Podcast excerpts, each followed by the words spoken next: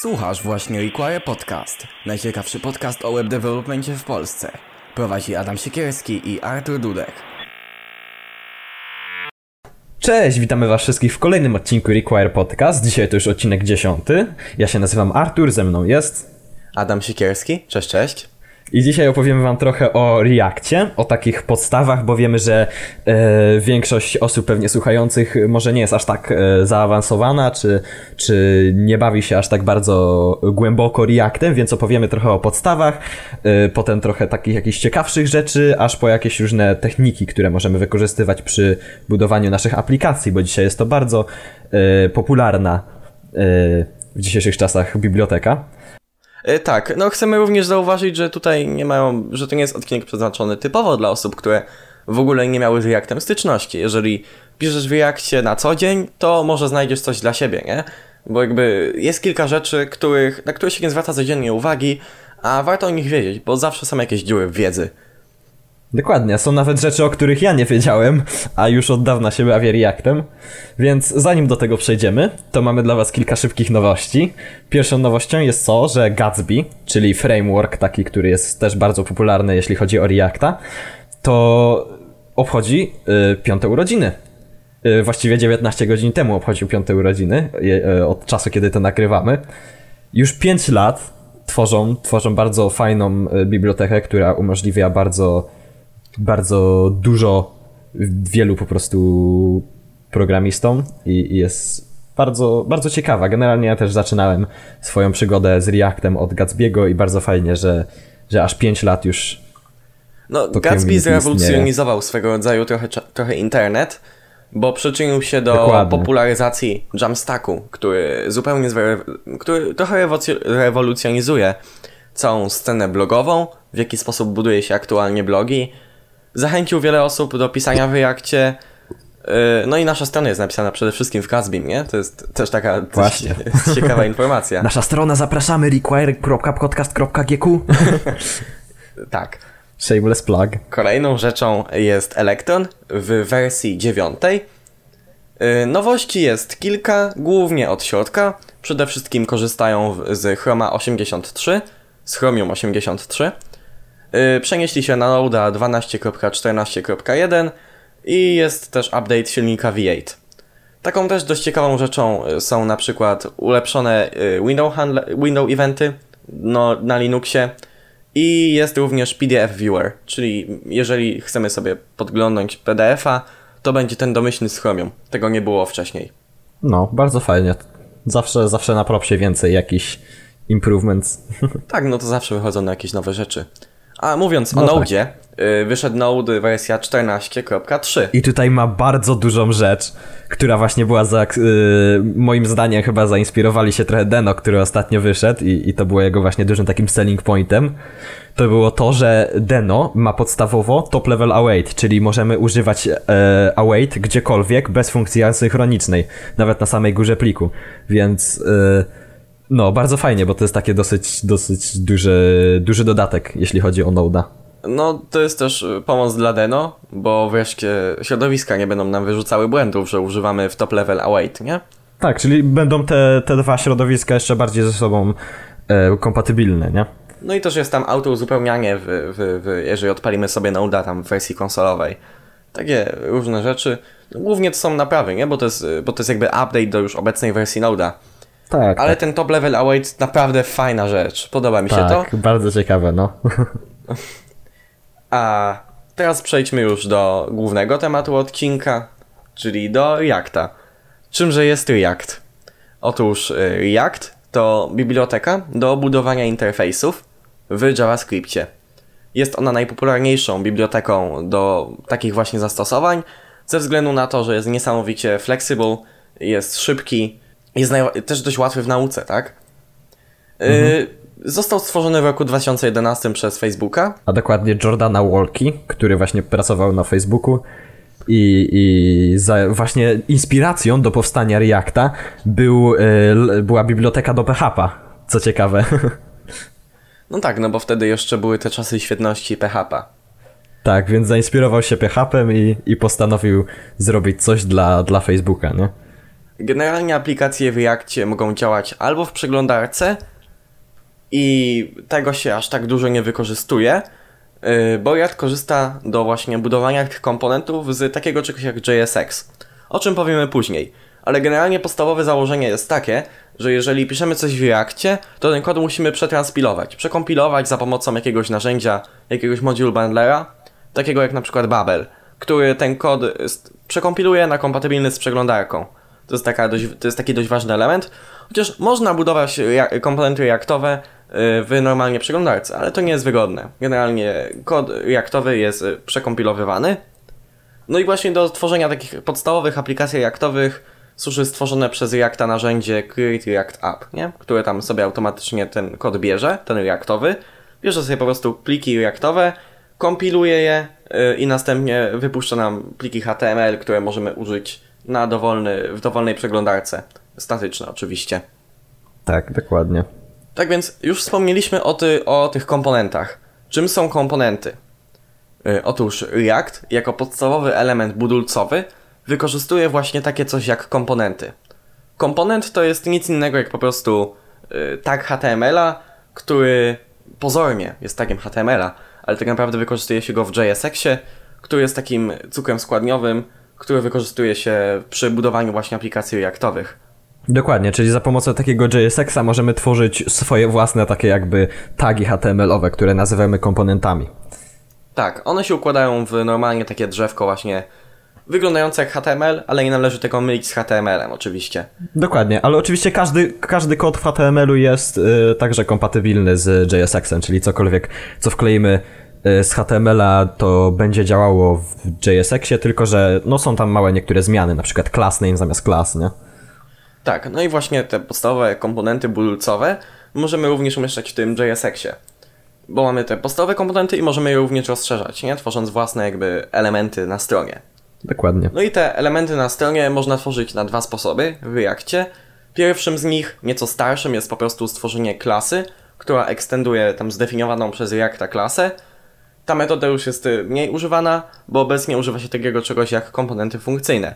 Komponenty funkcyjne to jest nic innego jak po prostu Y, funkcja, która zwraca inne elementy, y, po prostu która zwraca JSX-a, inne elementy takie właśnie reaktowe. Dokładnie, to jest, to jest taka różnica jak y, pomiędzy zwykłą vanil, zwykłym Vanilla.js, pomiędzy funkcjami a klasami, nie? Że funkcja po prostu zwróci ci jakąś, jakiś value, coś, y, jakieś, nie wiem, jakąś cyfrę, czy, czy wynik jakiegoś działania, czy co, cokolwiek, a klasa też działa w trochę inny sposób, nie? W Vanilla.jsie. E, no tak, ale jakby jaka byłaby zaleta tego Reacta, jeżeli moglibyśmy tylko sobie na przykład tworzyć po prostu grupy komponentów i je umieszczać w innym miejscu? Jakby to nie miałoby sensu, nie? To, to, to byłoby... Dokładnie. Nie byłoby powodu, dlaczego to byłoby takie popularne. A główną zaletą właśnie tych komponentów reaktowych jest ich reaktywność, czyli że one mogą współdziałać ze sobą, działać dynamicznie. No i podstawowym takim elementem tej dynamiczności komponentów są propsy, właściwości. Tak więc umieszczając nasz komponent w tym drzewku DOM, takim po prostu JSX-owym, tym drzewku JSX-owym, możemy podać mu różne, różne argumenty. Y, I to są właśnie te propsy. Możemy na przykład mu podać jakąś wartość, tak, którą on ma wyświetlać. Czyli na przykład sobie tworzymy komponent hello, który przyjmuje właśnie sobie tego propsa, tak jak normalną, zwykłą właściwość y, y, takiego elementu HTML-owego. Przyjmuje na przykład sobie wartość name, no i y, ten komponent hello będzie zwracał znacznik p, który będzie wyświetlał tekst hello i to imię, które podamy jako tą właśnie właściwość name, nie? No, generalnie propsy można sobie przekazywać do komponentów tak jak zwykłe takie właściwości w HTML-u, czyli na przykład name równa się mark, czy, czy cokolwiek. Tak, dokładnie. No, kolejną taką podstawową rzeczą różniącą taki komponent reaktowy od zwykłego elementu HTML jest to, że komponenty reaktowe mają takie coś jak lifecycle, czyli cykl życia. E, chodzi o to, że komponent może wywoływać różny kod javascriptowy, e, na przykład w momencie, kiedy się załaduje, w momencie, kiedy, nie wiem, będzie się przygotowywał do wymontowania się, są też takie opcje. E, mhm. I pozwala nam wykorzystać jakiś różny tam kod javascriptowy. Na przykład wykonać zapytanie do naszego API, w momencie, kiedy się po prostu zamontuje, nie? Ten komponent. Czyli on się montuje, czyli jakby umieszcza się na stronie, renderuje się, pobiera dane z API i w tym momencie te dane z API mogą do niego trafić. To jest właśnie lifecycle. Tak, i właśnie takie metody lifecycle w stylu to, co Adam wspomniał, czyli komponent did mount, czyli na przykład kiedy komponent się e, załaduje, to są używane jedynie w komponentach klasowych. Nie można ich używać niestety w komponentach funkcyjnych. Komponenty funkcyjne mają takie pewne uzupełnienie w postaci hooka, use tak, effect, dokładnie. ale o hookach później, czym one są. no. no i jeszcze jedną taką rzeczą, która jest dużą zaletą takiego podstawowego budulca Reacta, jest takie coś jak eventy. E, tak więc każdy komponent może na przykład zawierać w sobie jakiś przycisk, który po kliknięciu, no chcemy, żeby ten komponent powiedział swoim komponentów, które są wyżej, że ok, ja w tym momencie zostałem kliknięty, albo po prostu y, właśnie ten buton, tak? On na przykład dajmy mu po prostu on click, no i wykonuje się wtedy funkcja zdefiniowana gdzieś w tym komponencie. I to są właśnie tak. eventy w Reakcie. No i komponent też może jakby swoje własne eventy wywoływać po prostu przez wywoływanie funkcji, którą tak. przekażemy jako props. Tak, i taka różnica właśnie między eventami w HTML-u a eventami w Reactie, to jest to, że w Reactie jak chcemy na przykład wykonać jakąś funkcję, to musimy zamiast takich e, quotes, musimy użyć po prostu bracketów. Tak, no to jest taki główny, to jest po prostu charakterystyka JSX-a, nie? Tak, większość, jak chcemy na przykład jakiś e, coś, jakiś kod po prostu, jakąś funkcję wywołać w JSX-ie, to używamy bracketsów. Tak więc jeżeli już zrozumieliśmy, Czym są mniej więcej te komponenty, czyli takie elementy budulcowe naszej aplikacji w Reakcie, które mogą zawierać w sobie inne elementy, które mogą w różny sposób je ze sobą mieszać, które mogą przyjmować jakieś wartości, możemy przejść już do kolejnego e, elementu Reacta, czyli state'u. Czym jest state? Czym jest stan? E, jeżeli komponenty mają być właśnie reaktywne, reaktywne, czyli takie dynamiczne, czyli interaktywne, każdy komponent musi zawierać swój na przykład stan. Przyjmijmy, że sobie tworzymy na przykład, nie wiem, jakiś zwykły counter, tak? Który zawiera w sobie e, jakieś pole, które wyświetla jakąś wartość, który zawiera i który ma w sobie dwa komponenty przycisków, nie? I te komponenty przycisków za każdym razem, kiedy jakiś przycisk zostanie kliknięty, wywołują jakąś funkcję. No to, żeby móc gdzieś trzymać tą wartość, wykorzystujemy właśnie stan komponentu, state. E, Dokładnie. State jest takim e, po prostu featurem Reacta, z którego się korzysta praktycznie cały czas. Bo co on pozwala? On pozwala na to, że jeżeli wartość w state zostanie zmodyfikowana, to wtedy yy, tą wartość, to wtedy komponent renderuje się ponownie. Czyli my nie musimy odpowiadać za na przykład ponowne, ponowne po prostu renderowanie danego elementu na stronie w momencie, kiedy zmieni się jakaś wartość. To wszystko robi React za nas, tak? My tylko po prostu ustawiamy nową wartość danej zmiennej. No i właśnie do tego służy state. State generalnie w komponentach klasowych, czyli takich opartych na klasie, ustawia się po prostu przez y, stworzenie obiektu disk.state, a w przypadku komponentów funkcyjnych używa się hooka useState. Jeżeli tak, już tutaj wspominamy o tych hookach, chcemy powiedzieć, czym one w ogóle są. Hooki to są po prostu takie funkcje w komponentach y, funkcyjnych, które są w stanie po prostu dodawać jakąś interaktywność do tych funkcji które pozwalają po prostu zachowywać jakieś informacje pomiędzy ich wywołaniami. Nie? To jest mniej więcej to, czym jest hook. No i działa to podobnie, nie? I w przypadku komponentów klasowych i funkcyjnych, z tym, że w funkcyjnych y, każdy jakby, każda wartość state'a ma swoją osobną zmienną, a w przypadku klasowych jest to po prostu jeden obiekt, nie? State'u. Coś w tym stylu. Mhm. No i właśnie to jest taka podstawa, nie? Taki po prostu object-oriented state. Teraz przejdziemy do kolejnego elementu, y, bo jeżeli mamy tutaj te komponenty, one mają ten state, no to ten state możemy ewentualnie przekazywać do innych komponentów przez propsy, nie? Ale jeżeli na przykład mamy jakąś globalną wartość, w, którą chcemy mieć zachowaną w aplikacji, no to wtedy ten state musi też trafić do, do innych komponentów. I w tym celu wykorzystuje się kontekst. Kontekst pozwala nam przekazywać dane pomiędzy komponentami, które są y, wewnątrz siebie, czyli na przykład powiedzmy, że chcemy robić y, jakąś apkę, gdzie mamy y, light theme albo dark theme, to dzięki temu, dzięki kontekstowi możemy bardzo łatwo przekazywać innym komponentom właśnie na przykład to, że mają być ciemne albo że mają być jasne. Tak, dokładnie. I w tym celu wykorzystuje się właśnie kontekst. Kontekst działa w po prostu postaci komponentu, który staje się prowajderem kontekstu i poszczególnych komponentów w dół drzewka, tego JSX-owego, czyli consumerów kontekstu. Działa to w taki sposób, że ten provider ma swój state, który następnie podaje razem z kontekstem do innych e, elementów. I tam te elementy mogą się po prostu odwołać do e, kontekstu za pomocą tam jednej zmiennej, która jest im przekazywana i w ten sposób mogą e, odbierać dane, które były gdzieś zdefiniowane na samej górze w ogóle drzewka aplikacji, tak? A bez jakby żadnych utrudnień, na, takich na przykład przekazywanie po prostu poszczególnej wartości przez takie łańcuszki propsowe. To jest naprawdę Dokładnie. złe i w tym celu utworzy się właśnie kontekst. No. Tak jak mówiliśmy, nie? Na przykład jest ten theme, czyli mamy na przykład mamy na przykład ten context provider, czyli taki element, który znajduje się globalnie gdzieś w tym drzewku y, na samej górze. Y, I on na przykład daje funkcję do zmieniania filmu i daje zmienną z obecnym filmem. No to wtedy na przykład jakiś przycisk gdzieś głęboko w drzewku dom na kliknięciu zmienia film na, na przykład z jasnego na ciemny, nie? No i wtedy No. po kliknięciu wywołuje on tą funkcję, która jest mu podana w kontekście i wtedy w kontekście zmienia się wartość, że film zamiast być jasnym staje się ciemnym i o tym wie cała aplikacja, nie? Nie ma takich utrudnień, na przykład, że y, tak jak, jak, się pojawiają, w, gdy piszemy aplikację po prostu w czystym HTML-u i JavaScriptie. To tak No, pozwala dokładnie. właśnie ten React wykorzystać, nie? No też kontekst można po prostu wykorzystywać do globalnego state'a w aplikacji, czyli jeżeli potrzebujemy, jeżeli mamy jakąś zaawansowaną aplikację, która musi wyświetlać duże ilości danych, to wtedy te dane możemy sobie wrzucić do kontekstu, nie? Też tak można to zrobić. No, na przykład. No, więc kolejną rzeczą, którą chcielibyśmy Wam powiedzieć, to są techniki, które wyprawią, y, usprawnią nam tworzenie y, tej strony i jakość kodu.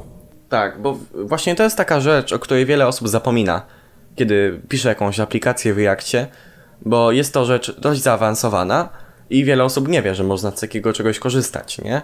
Wiele osób po prostu tworzy, po prostu umieszcza komponenty wewnątrz innych komponentów i po prostu se tam bawi się, nie? Z tym. A Dokładnie. da się zrobić naprawdę ciekawe rzeczy, bo pozwala na to JSX. Pierwszą rzeczą jest y, kompozycja komponentów, czyli y, taka bardziej zaawansowana możliwość y, tworzenia właśnie tego drzewka komponentów.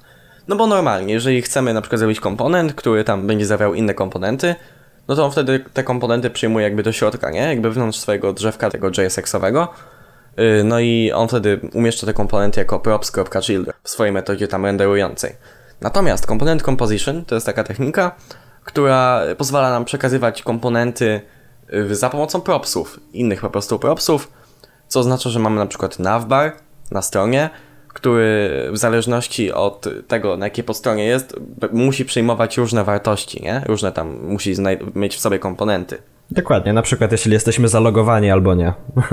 Tak, no i on na przykład y, może zrobić coś takiego, że będzie przyjmował komponenty jako props right i props left, no i te komponenty, które będą jako, podane jako props right, będą, będzie wyświetlał po prawej stronie, a te, które będą w propsie left, będzie wyświetlał po lewej stronie tego navbara. To jest taka podstawowa technika, która pozwala nam usprawnić nasz kod, nie? I, i zrobić, żeby on był po prostu czystszy.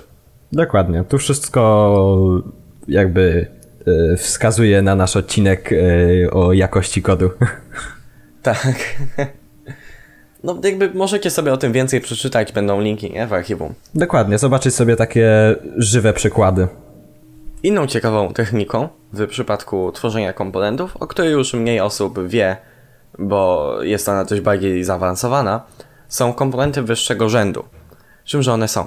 E, Komponenty wyższego rzędu przyjmują, to są funkcje, które przyjmują jeden komponent, modyfikują go w jakiś sposób i zwracają inny komponent. Na co tam pozwala? Pozwala na przykład to na stworzenie jakiejś bazy dla komponentu, która będzie za- pozawierała jakieś e, określone e, ten lifecycle methods i e, potem ona przyjmuje inny komponent, który następnie wrzuca, który następnie jakby merge'uje razem z tym komponentem, który ma wewnątrz siebie zdefiniowany. To jest takie pierwsze zastosowanie. Inne zastosowanie to jest na przykład jakaś funkcja, która przyjmuje jeden komponent, podaje mu dany props i następnie zwraca ten komponent, czyli na przykład stworzymy sobie funkcję, która będzie podawała, która będzie automatycznie wykonywała jakieś zapytanie do API i następnie podawała wynik z tego API jako props do danego komponentu, nie? Coś No, takiego dokładnie. można zrobić. I mało osób z niej korzysta, jest naprawdę ciekawą techniką. Tak, Jakby to nie jest natywny feature Reacta, tylko to jest po prostu technika, nie? Coś Tak, takiego, dokładnie. co To po prostu jest- możemy jest- wykorzystać tworząc jest- kod, nie? Tak, to jest coś w stylu, że jak e, mamy array, higher array functions, że po prostu bierzemy coś i modyfikujemy to jakoś. To tutaj podobnie możemy wziąć na przykład jakiś e, komponent i dodać mu jakieś na przykład propsy on the Tak, fly. dokładnie. Inną taką techniką są na przykład render propsy, czyli dany komponent właśnie zawiera w sobie jakąś logikę yy, i przyjmuje w jednym z propsów jakiś inny komponent, który pozwala tą technikę wykorzystać, nie? Tą całą jakąś tam logikę tego komponentu, który renderuje, tak? Czyli on sam w sobie nic nie będzie renderować, on będzie renderować ten komponent, który mu przyjdzie, ale będzie mu dawać przy okazji przy jakieś argumenty, tak? też bardzo ciekawa technika, on po prostu przyjmuje wtedy funkcję i, i tą funkcję wtedy sobie renderuje, nie? Coś, coś takiego. No, To również można wykorzystać. Jakby to, to się naprzemiennie można wykorzystywać z higher order components, w zależności od tego, co nam bardziej tak, pasuje, dokładnie. nie? Takie bardziej Na przykład- podobne są do siebie. Z higher order components korzysta na przykład Redux przy przekazywaniu state'u, a na przykład z render propsów korzysta Formic, czyli taka biblioteka do budowania formularzy, nie? Na stronie Reactie. Mhm. Jeszcze chcielibyśmy chwilę powiedzieć o tych hookach, o których wcześniej mówiliśmy. Y, Czym są hooki? Y, To są właśnie takie funkcje, które umieszczamy w naszym komponencie funkcyjnym i one pozwalają nieco jakby rozbudować, nie? Tą funkcjonalność komponentu od tylko renderowania, nie? Dokładnie, czyli tak ulepszyć od, od samego od samego po Tak. prostu funkcji, która Dokładnie. zwraca nam po prostu e, JSX-a, jakieś, jakieś tagi HTML-owe, aż po coś, e, co przypominałoby taką e, taką klaso, takiego klasowego komponenta, nie? Czyli mamy Tak, one jakieś... pozwalają na przykład używać stanu innych Dokładnie. funkcjonalności Reacta y, bez użycia właśnie tych komponentów klasowych. To pozwala nam jakby na usprawnienie działania komponentu, nie?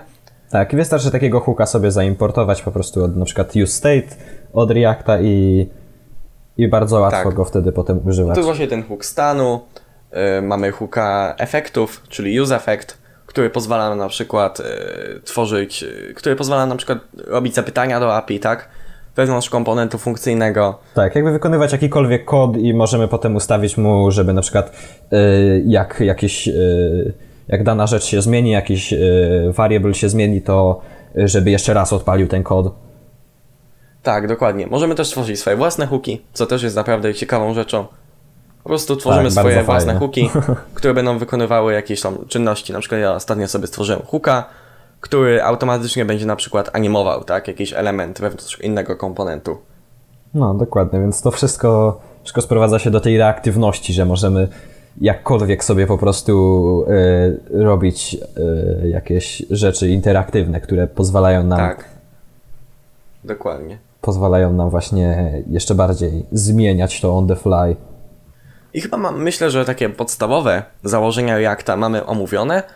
Teraz chcielibyśmy trochę porozmawiać o tym, jak, w jaki sposób korzystać z tego całego ekosystemu, który jak nam zapewnia trochę bibliotek, które pozwalają nam poza tymi bazowymi featureami Reacta wykorzystywać go efektywniej. Pierwszą rzeczą jest state management i Redux. Yy, ogólnie rzecz biorąc, mamy ten normalnie state zapewniany przez Reacta i on działa w taki sposób, że mamy po prostu obiekty, które bezpośrednio modyfikujemy, tak, za pomocą funkcji przykład set state.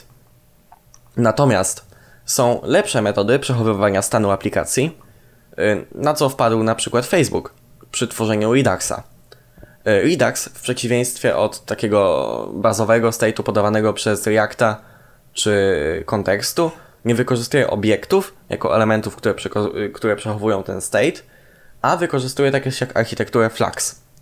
Na czym to polega? Mamy jakby główny store dla tego state'u, w który my nie ingerujemy. On może przechowywać obiekt, natomiast zmienia się sposób, w jaki my y, korzystamy i my modyfikujemy ten state.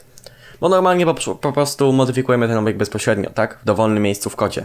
Natomiast Linux i cała architektura Flux działa nieco inaczej, bo ona zawiera takie coś jak reducer, który przyjmuje akcję, jest wywoływany przez daną akcję, czyli po prostu zwykłą funkcję, która zwraca nazwę tej akcji i jakąś tam dodatkową wartość, która może się przydać. No i jest ten reducer, który tak naprawdę modyfikuje state bezpośrednio. Czyli na przykład on sobie sprawdza, czy nazwa akcji nazywa się increment counter. Jeżeli tak, no to wtedy modyfikuje ten state yy, w tym storze yy, i na przykład dodaje do niego jeden, tak? To, co jest tam zdefiniowane w tej akcji. Po prostu Tak, chcąc czyli- zmodyfikować state, musimy korzystać z ze zdefiniowanych akcji, które definiujemy sobie w innym pliku, tak? I te akcje na przykład brzmią e, increment counter, czyli dodaj jedno do tam countera, login user, czyli po prostu umieszcza obiekt usera w globalnym, w globalnym state'cie Reduxowym. No, czyli taki reducer, czyli coś podobnego do na przykład e, funkcji e, array reduce, jeśli ktoś kiedyś e, się bawił Tak. takimi właśnie funkcjami array, to pewnie zauważy właśnie podobieństwa. Jakby główną zaletą korzystania z tej architektury Flux jest to, że o wiele łatwiej będzie nam debugować nasz kod, nie? Bo nie będziemy mieli jakby, jakby wszystkie mutacje state'u będą zdefiniowane w jednym miejscu i my te mutacje tylko sobie Dokładnie. wywołujemy, nie? Tutaj chodzi o to, że to jakby pozwala nam lepszy troubleshooting i lepszą po prostu czytelność kodu. No, ale to też zależy od projektu, jak kto chce po prostu wykorzystywać. Tak, i do globalnego jest przeznaczony właśnie Redux, a do takiego state'u wewnątrz komponentu yy, nawet React daje nam pewne rozwiązanie, daje nam hook use reducer, Dokładnie. który właśnie działa bardzo podobnie, tak? Ten hook przyjmuje po prostu właśnie funkcję, która jest tym reducerem, która odpowiada za modyfikowanie state'u yy, i możemy sobie tą funkcję wywoływać za pomocą różnych akcji. I, ale to działa tylko, tak jak mówiłem, wewnątrz danego komponentu. Chociaż można to również zintegrować z kontekstem, nie? Jakby wszystko można zrobić w tym przypadku. Jeżeli chodzi o stylowanie naszych komponentów, yy, bo oczywiście nie możemy budować tylko całej logiki aplikacji, a żeby komponenty były brzydkie, nie? No dokładnie, więc tutaj... Więc jeżeli chodzi o logikę komponent, jeżeli chodzi o stylowanie komponentów, y, to bazowo po prostu importuje się plik y, CSS wewnątrz y, po prostu tego pliku JS, który zawiera ten komponent, nie? Robimy import y, styles.css. I tak tyle. to może działać. I zwykłego ale jest to nie najlepsze rozwiązanie, nie? Bo jakby bo no, pozwala nam to na mniejszą integrację, nie? Z tym Reactem. Jeżeli korzystamy z JavaScriptu, to warto skorzystać z jakiegoś rozwiązania CSS in JS. Tak, czyli to, o czym mówiliśmy już w naszym odcinku chyba trzecim CSS Tooling. Dokładnie. Tak więc są takie podstawowe trzy te biblioteki CSS in JS. Jeżeli chcecie się dowiedzieć więcej, to zapraszamy właśnie do odcinka CSS Tooling. Dokładnie. Ale są te podstawowe trzy, czyli Style Components, Emotion i Style JSX. Style Components po prostu tworzy nam komponenty, y, które zawierają już predefiniowane dane style, które tam sobie je przypisuje za pomocą klas. Podobnie działa Emotion, tylko że działa nie na stringach, tylko na obiektach. No i mamy też właśnie Style JSX, który pozwala nam umieszczać y, style wewnątrz JSX-a jakby. W sensie nie jako propsy, bo tak, bo to nam pozwala zrobić domyślnie React, ale jako ym, Jako taki tag po prostu, z, tak jakbyśmy w HTML-u robili style. i to pozwala na taką dość fajną integrację, nie? Z, ze stanem komponentu i tym podobne rzeczy. Tak, i to też oczywiście wszystko zależy od tego, jaki projekt robimy, czy kto co bardziej lubi. Na przykład ja osobiście uwielbiam styled components i po prostu nie rusz bez styled components. Tak, ja też, jakby przy każdym projekcie. Chociaż Style JSX też nie jest złe, nie? Tak, oj oczywiście przez, przez Zajta, teraz już nazwanego Wercelem zrobione, więc Y, No mamy też y, oprócz właśnie tego bazowego tworzenia Reacta za pomocą Create React App y, i takiego bazowego, takiej bazowej konfiguracji Webpacka, która pozwala nam ten kod przekompilować. Też mamy takie coś jak frameworki bazujące na Reactie, czyli frameworki, które na przykład będą robiły server-side rendering, czyli że mamy ten kod javascriptowy, który jest w Reactie i one go wcześniej już kompilują do plików statycznych, nie? On the fly po prostu po stronie serwera. dokładnie. Y, I zaletą tego, i zaleta tego jest taka, że y, jakby problem z Reactem jest taki, że to się wszystko robi na bieżąco, nie? W przeglądarce w JavaScriptie się to całe renderowanie dzieje. Przez co problem może być na przykład z robotami indeksującymi, nie? Bo jakby dla robota indeksującego strona napisana w czystym Reactie, bez żadnego frameworku, to będzie po prostu pusty plik HTML. tak, tak. Właśnie. Więc y, dlatego y, tworzone są frameworki, które robią server-side rendering albo static-side generation. Do server-side renderingu mamy Next.jsa, o którym możesz teraz opowiedzieć, bo, bo niedawno się nim trochę bawiłeś. Tak, ostatnio się bardzo dużo bawiłem Nextem i odkryłem, jak, jak naprawdę zarąbisty jest. Możemy sobie tworzyć na przykład y, custom server i możemy wykorzystywać jakikolwiek framework w stylu na przykład Express czy jakieś inne frameworki do, do serwerów. I po prostu zwracać, e, zrobić zwykłe jakby REST API, gdzie wykonujemy wszystko to, co wykonywalibyśmy w REST API, tylko że możemy jako efekt e, zamiast zwracać JSONa, zwracać po prostu e, plik Reacta. Tak, wyrenderowane już komponenty reaktowe. To jest naprawdę fajne w Nextie, nie? Tak, ale oczywiście mają też taki static, static site rendering też, oczywiście. Tak, jakby nie musimy robić sobie customowego serwera, bo Next.js też nam dostarcza taki ich bazowy, nie? To jest Dokładnie. taki bardzo wydajny. Innym fajnym frameworkiem jest na przykład Gatsby, o którym już dzisiaj wspomnieliśmy. Tak, on jest właśnie frameworkiem do. Reacta, tylko on nie jest nastawiony aż tak na server-side rendering, a bardziej na static site generation, czyli Tak. y, on buduje strony statyczne, bazując na komponentach reaktowych i możemy sobie przy okazji też y, pobrać jakieś informacje z na przykład z headless CMS-a, nie? I on wtedy te informacje przekaże jako propsy do komponentów wewnątrz naszej aplikacji i te komponenty potem wyrenderuje, nie? No, Gatsby jest ogólnie bardzo popularny, chyba najpopularniejszy. Tak działa nasza strona, że właśnie my mamy y, headless CMS-a, który jest bazą wszystkich naszych odcinków. Kiedy zrobimy nowy odcinek, to wrzucamy informację na headless CMS-a. On wysyła informację do naszego y, site'a, y, który, czy tam Wersela, który buduje naszą stronę.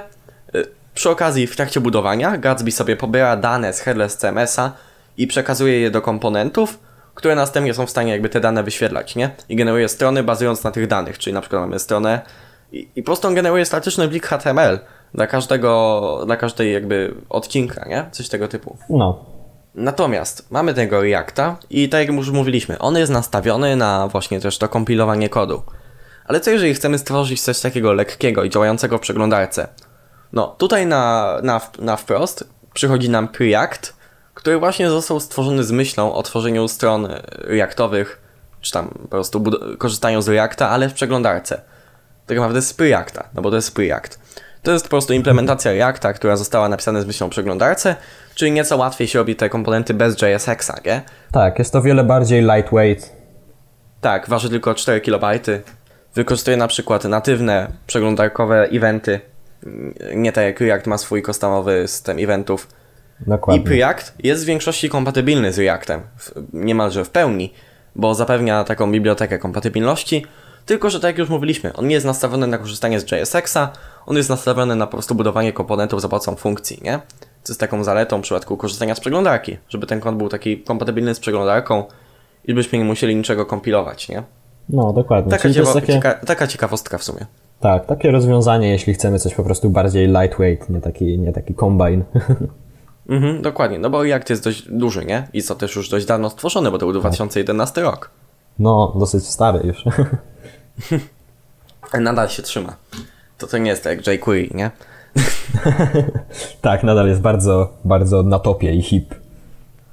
E, Tak więc zróbmy sobie takie małe podsumowanie tego, czym jest React. Przede wszystkim, React to jest biblioteka do budowania komponentów, e, budowania, przepraszam, aplikacji czy tam interfejsów, której podstawowym elementem budulcowym są komponenty, czyli e, funkcje czy klasy, które są w stanie zawierać inne komponenty czy elementy HTML, łączyć je za pomocą logiki, zawierać state, być reaktywne. Tak, coś bardziej, coś bardziej niż taka tylko statyczna strona napisana w samym Tak. HTML-u. To jest coś więcej, bo jakby on nam pozwala w bardzo łatwy sposób tworzyć te komponenty, żeby one były dynamiczne, nie? No, jest kompatybilna pra, prawie w pełni z HTML-em, zwykłym, czystym. Yy, mamy wiele technik wykorzystywanych przy budowaniu. Zapewnia nam bardzo mocne API do właśnie budowania tych interfejsów, żeby to wszystko ładnie się ze sobą łączyło. Jest bardzo duży ekosystem, tak jak mówiłem, state management, stylowanie, mamy frameworki, mamy Tak, też biblioteki gotowe z komponentami reaktowymi. Jeżeli nie chcemy sami stylować, to po prostu pobieramy sobie bibliotekę z gotowymi komponentami, taką jak Material UI, jak AntDesign i po prostu nie musimy niczego sami, sami pisać, tylko po prostu łączymy y, dane nam komponenty przez tą bibliotekę, nie? Tak, tak. Jest takie właśnie bardzo dużo community, pełno, pełno różnych narzędzi do Reacta powstało i w ogóle bardzo fajnie. Tak, więc to jest na pewno rzecz, której warto nauczyć się, nie? Chcąc być frontend deweloperem, Tak, tak. czy w ogóle jakimkolwiek deweloperem pracującym w sieci, nie? Jakby jak to już obecnie jest taka podstawa. No dokładnie, jakby no już nie pisze się, nie pisze się już jakby w czystym HTML-u i CSS-ie. Mam nadzieję. Yy, no dobrze, myślę, że odcinek Wam się spodobał. Jeszcze zaraz powiemy o fajnych rzeczach, które odkryliśmy w, przyszłym, w zeszłym tygodniu. Chcę jeszcze takie małe zakończenie zrobić. To jest takie jakby krótkie wprowadzenie właśnie do danego frameworka czy technologii. Myślę, że będziemy robili takich odcinków więcej, na przykład o Vue, o Tak, o Angularze, innych takich właśnie. o takich backendowych, jakichś różnych Apollo, nie? Czy coś, czy GraphQL, czy na I w przykład przyszłości też może Svelte. zrobimy na przykład odcinki o, o właśnie tych frameworkach, na przykład Gatsby czy Next, które będą po prostu sfokusowane na, na samych sobie tych frameworkach i co one nam dają fajnego. Tak, bo on jest naprawdę fajnie zaawansowany, więc coś takiego też na, na, na pewno zrobimy, jakieś na przykład porównanie Gatsby'ego z Nextem, nie? Dokładnie. Ale teraz przejdźmy już do w ogóle e, tematu fajnych rzeczy, które odkryliśmy w zeszłym tygodniu. E, Czekaj, jak, jak- ten skrót brzmiał? F-R-O-W-O-T. Ojej. No, to jest, dobra, nieważne. E, Więc ja w zeszłym tygodniu odkryłem e, taki fajny framework do JavaScriptu o nazwie Svelte. E, Pewna alternatywa dla Reacta, mniej zaawansowana, coś pomiędzy Vue a Reactem, w sensie on tak siedzi blisko tego natywnego JavaScriptu, a jednak możemy sobie tworzyć komponenty jakby nie w klasycznych plikach JS, tylko w plikach .svelte, tak jak to wygląda we Vue. Naprawdę dokładnie. fajny, zalecam się poznać, jeżeli już umiecie jakiś inny framework. To jest taki bardzo lightweight.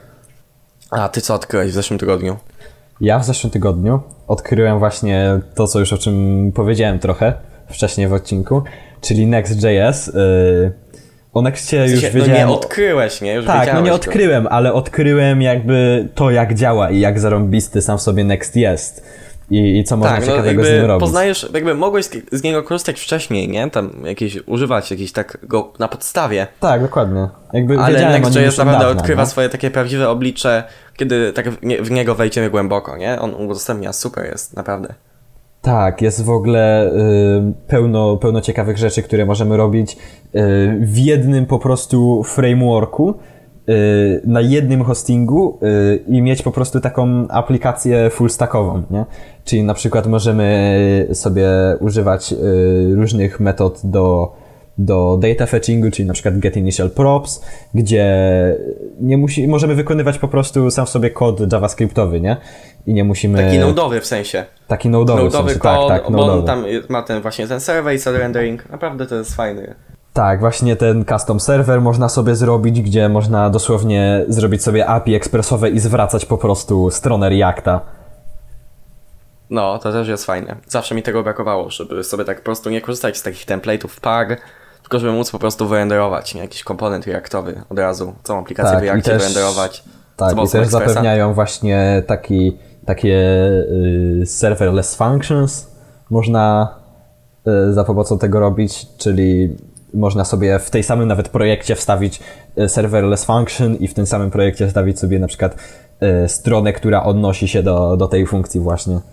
Tak, czyli możemy sobie stworzyć praktycznie całe API, całą full stackową aplikację Cały taki stack w jednym po prostu projekcie na przykład. Co też właśnie zależy od, od y, tego, jaki projekt robimy i jakie chcemy osobiście rozwiązanie wybrać, bo na przykład niektórzy wolą bardziej na mikroserwisach, ja osobiście też wolę bardziej na mikroserwisach wszystko robić, ale są takie rzeczy, które na przykład warto by było zrobić po prostu w jednym y, dużym takim monorepo, gdzie mamy taki na przykład custom server i wszystko wykonuje się server side, zwraca nam tylko to, co jest widoczne do użytkownika i na przykład nie mamy żadnego publicznego API, żeby ktoś nam spamił. Mhm, No tak na przykład działa nasze, nasz render server, nie? Że on, on nie jest oparty na Nexie, co prawda, ale jakby wszystko jest w jednym repozytorium, nie? I frontend i backend. Jest to również rozwiązanie. Kiedyś się tym zajmiemy, takimi właśnie monolitami.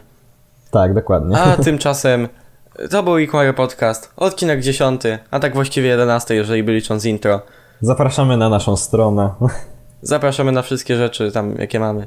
Będą, będą do wszystkiego linki w archiwum, więc możecie sobie poczytać jeszcze bardziej, zagłębić się w to, bo napra- naprawdę fajne tematy tutaj są. Poczytać sobie takie przykłady żywe.